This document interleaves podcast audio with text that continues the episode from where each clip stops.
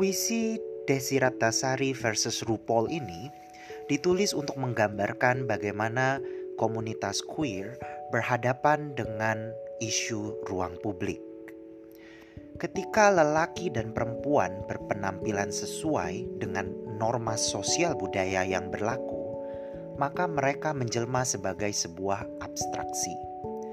Dengan kata lain, perbedaan spesifik individual misalnya antara Ani dan Tuti atau antara Tono dan Bayu, nyaris tenggelam dalam kategori yang dianggap universal, yakni perempuan dan laki-laki.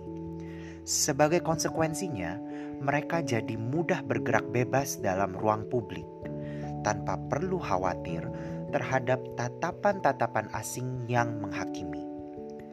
Lain halnya dengan seseorang yang memiliki tampilan dan ekspresi di luar norma gender yang berlaku.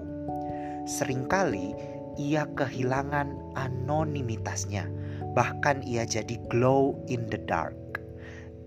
Ia tampil sebagai dirinya sendiri melalui segala kejanggalan yang didakwakan oleh serbuan pandangan orang-orang di sekitarnya ruang publik pun mendadak terasa mengempis dan mengerucut.